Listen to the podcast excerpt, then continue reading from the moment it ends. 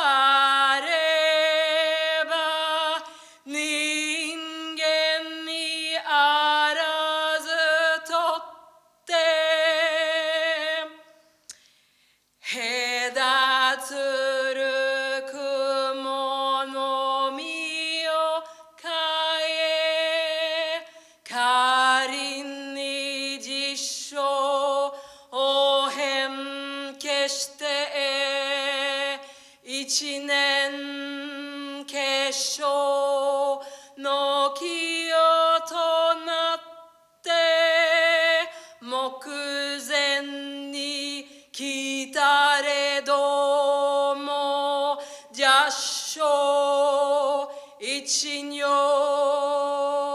と見るときは色族ぜくそのまんま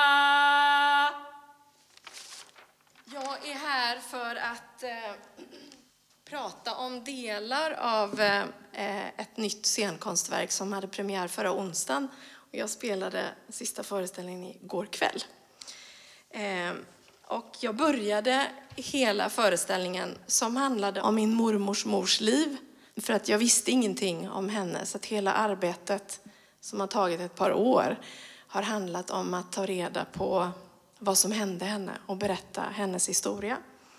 Och då använde jag, jag har arbetat med traditionell japansk dans och teater i 18 år. Så det är lika förkroppsligat i mig som nutida dans eller film eller text. Eh, men jag vet att vi har några tonsättare i publiken idag, eller kanske musiker, så jag ville bara visa att ehm, eh, jag ska berätta vad det här nådramat handlar om. Känner ni till nå? Är det någon som har sett nå? Lite. Man kan säga att det är som ett eh, ceremoniellt slow motion-drama eh, som har funnits sedan 1400-talet i Japan. Eh, den, är väldigt patriarkal. Eh, det är bara män som spelar alla rollerna, kvinnor också, och man använder mask. Ehm, och eh, med, med våra tidsbegrepp så, så är dansen ganska så långsam. Man dansar med solfjäder också, ganska gigantiska kostymer. Men det som jag reciterade nu, det ser ut så här. Och eh, eh, när jag eh, spelade här på Atalante så hade jag det här på väggen och eh, läste från den. Eh, För en del av mig eh, är intresserad av, eftersom jag arbetar i en svensk kontext, eh, där många, alltså, många i publiken eh, vet inte riktigt vad det här är. Eh, så jag jobbar mycket med att eh, ta bort exotifieringen och, och visa att det här det är, liksom, det är vackert men det är, det är vanlig text helt enkelt. Och eh, ni som är intresserade av musik, om man tittar bredvid de här bokstäverna så är liksom hela rytmen är utmarkerad.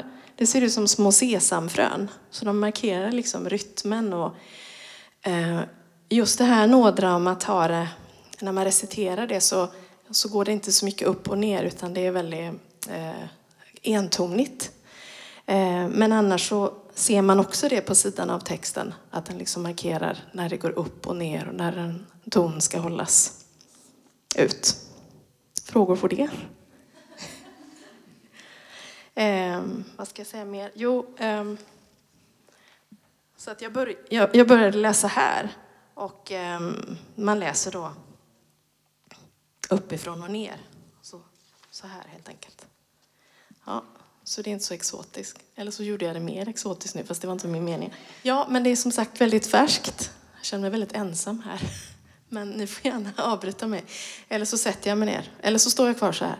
Jo, eh, min mormors mor. Eh, jag kan prata jättemycket om det, men jag tänkte att det skulle vara lite spännande att prata om nå, eftersom det inte är så känt här. Ska vi göra det i dialogform nu då?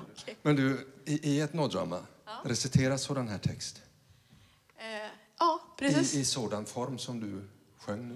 Ja, eh, det brukar ju vara att eh, huvudskådespelaren eller solisten eh, sjunger kanske typ bara två rader. Och sen så sitter det en kör av sex eller åtta män på sidan av scenen på knä och reciterar hela dramat och sen så huvudskådespelaren eller dansaren eh, framför då, eller dansar till den här texten. Men nu sjöng jag lite mer då, så jag sjöng både solisten och, och körens eh, ja, text då. Ja. Spännande. ja. Huvudsakliga temat i nådraper. Jag, jag har ett intryck av att kärlek och sådant som är stort i västerländska traditioner inte alls har samma roll i Japan. Nej, precis. Så att det här handlar om eh, makt. eh, Jag har en hatkärlek till Nå. Ja. Eh, därför att eh, många av pjäserna är ju buddhistisk propaganda. Men det är också väldigt misogyn propaganda. Det är väldigt, väldigt eh, intressant. Jamamba är eh, inte misogyn. Men i en danskontext, eftersom detta också är en dansscen, så eh, handlar väldigt många av de här pjäserna om dansare som är ute och vandrar och letar efter meningen med livet. Eh, och eh, fört, förtärs kanske av någon passion och så kommer de till templet och så bränner de ner klockan med sin passion och sen så blir de jävlar och så står de manliga prästerna runt den kvinnliga demonen och gnider sina radband. Så väldigt, väldigt många sådana pjäser som jag har lite problem med. Men det som är fint med det här dramat det är att eh, där är det också en kvinnlig dansare som eh, nu vet inte, jag har inte berättat vad Jamamba är, så jag har hoppat över massa saker. Ska jag berätta det, ni som inte vet? Ja. Eh, här är masken för Jamamba, men hon har en pussyhatt i min föreställning. Eh, Jamamba är, eh, inte bara, kommer inte bara från norr, det är en folkmytologi. Men det är alltså bergets häxa, eh, naturens ande och själ eh, som eh, vaktar naturen. Eh, och i här, den här pjäsen så är det alltså en kvinnlig dansare som vandrar upp i bergen. Hon är dessutom expert på att dansa jamamba. Hon är Kyotos bästa dansare, så hon är riktigt känd. Men hon känner att hon behöver utveckla sin konst, så hon vandrar upp i bergen. Och då träffar hon den riktiga jamamba. Så nu är det för en gångs skull inte buddhistiska präster som, som gnider radband mot henne och hon utvecklar horn. Utan den här eh, eh, Jamamba, den visa äldre kvinnan som kan gå mellan världar eller så är hon psykotisk helt, helt enkelt. Det vet vi inte. Men eh, eh jag har inte med, jag har med delar av handlingen eh, om Jamamba i, i min föreställning. Eh, men eh, där berättar Jamamba för dansaren att du måste frigöra dig från eh, publiken. Du ska inte bry dig, du, ska, du är alldeles för attached till din eh, publik, så släpp dem. Så, så det, för mig, jag tycker det är jätteintressant att det finns så många eh, klassiska dramer som faktiskt handlar om konstens betydelse i samhället och, och också har fokus på konstnärens problem. Så det tycker jag, det är jag jätteintresserad av i de här nådramerna. Mm. Vad tror du skulle det gå att att eh, spela din föreställning för en nå-publik i Japan? Absolut. Ja. Jag, eh, eh jag har spelat eh, föreställningar gjort här i Kyoto. Alltså, jag, har, jag har inte dansat mina egna verk på en nå-scen. För där har jag, ja, jag har varit med i en nutida koreografs verk och eh, dansat klassiska stycken på nåscener. Men eh, Du har ju sett min föreställning. Den avslutas ju med en klassisk nådans. Fast vi dansar till en visa så har vi pussy hats och eh, mera subkulturperuker på oss. Eh, så jag, jag, vis, jag visade det klippet till en person som är buddhistisk sångerska men också eh, ja, älskar eh, experimentell musik. Och hon började gråta av den scenen. Så att, eh, ja, jo, det går. Vad har nå eh, dramat för ställning idag i Japan? Eh, Nå har ju, kan man säga, har haft en kris därför att eh, det har blivit en överklasssyssla. Eh, det är väldigt dyrt att ta de här lektionerna och de är ju så här one-on-one. Så att det är bara liksom eliten i samhället som studerar Nå, som har råd att ta lektioner. Eh, men det är ju massa olika strömningar som jag tänker alla kulturer när det blandas och så vilken, alltså vad, vad är någonting värt? Eh, men man har sett att den yngre generationen är så ointresserad av det här. Eh, jag, har varit och föreläst på universitet i Tokyo och Kyoto. Där säger de unga studenterna till mig att alltså, vi är bara så imponerade. Hur sjutton kan du hålla på med något som är så fruktansvärt tråkigt och långsamt? Eh, men, men eh, det har liksom blivit så separerat så man har förstått nu att det, det är på väg att... Man kan inte bara bygga sådana bubblor. Så nu börjar man ha projekt då i skolor så att det, det liksom... Eh, och naturligtvis nutida konstnärer som experimenterar med nådramer. Ehm, jag antar att ni känner till Buto här på den här scenen. Om, ni inte gör det så ska jag berätta att det är alltså Japans efterkrigsdans, alltså 50-talet. Ehm, eh, och Butons grundare, han gör ju upp med just nå och Kabuki-arvet. Alltså, an, det, de använder sig av samma smink men man sminkar hela kroppen istället. Så man kan säga att det är en dekonstruktion av klassisk eh, teater och dans, precis som här. Men där har jag också sett flera Buto-konstnärer som börjar samarbeta med nåmästare. Eh, också kanske för en längtan att eh, liksom, se vad, vad det en gång började. Är det också kvinnor eller är det bara män? Eh, alltså, där, eh, så som jag ser på det så tycker jag att det är ett jättestort problem att nå och kabuki är så otroligt patriarkal. Ehm, men när jag ställer frågan så, så får jag alltid svaret ja, men kvin- nej det är inte sant, kvinnor är inte alls förbjudna att göra det här. Vi har jättemycket kvinnor. Men, men eh, det är ändå så att om du ska gå och titta på ett normalt nådrama då är det bara män.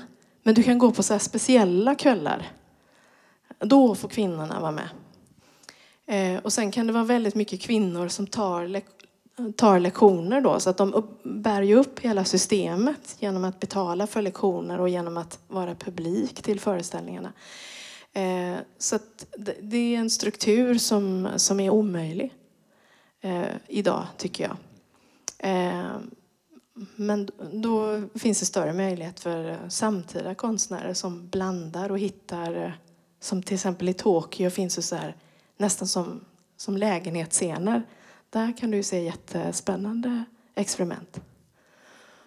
Och sen de nåmästare som är så här riktigt kända eh, kan ju också göra experiment på nåscener och dansa till eh, nutida musik och sådär. Men, men eh, det har också varit eh, nåmästare som turnerar för mycket ut, utomlands eller gör för, för galna vilda experiment kan bli uteslutna ur eh, no, assos, eh, no Association. Ja, det var precis där min fråga kom. Ja. För jag tänkte att du vet, inom operor om det är så någon som testar någonting nytt så blir Ja. det så här, de blir utbuade. Så här, Nej, det skulle inte vara en dans där i början av den här operan. Ja. Eh, om det är så att det är så här, men det måste ju finnas en grupp som tycker vad skönt att det förfriskas och Ja, ja, förnyas, precis. liksom. Men, ja. Ja, nej, men då, då tänker jag, ja men strukturerna, det är bra att du sa opera för att liksom, jag vill inte exotifiera att nå är värre än någon annan patriarkal teaterform. Eh, det, är, det, är, det är ju samma liksom. Men, eh, Men där kan det också vara att någon som gör ett experiment eh, som publiken älskar. Så då kan det bli en konflikt då, att den här powerful no association, vi ska utesluta honom och så säger no-skådisen att jag skiter i er för jag klarar mig utan er. Så att en del går ju ur för att visa att vi klarar oss faktiskt utan er. Eh, och, och, och går vidare. Nu känns det som att jag kör någon slags nådramapolitik. Jag ska ju prata om vad jag jobbar med. Men eh, ja. Så det är jätteintressant. Det är jättespännande att höra. Eh, men, ah, ja, men jag kan eh, återkoppla till min föreställning. Ni ser ju masken där. Eh, anledningen till att jag sökte upp Jamamba, eller jag har tittat på många olika dramer.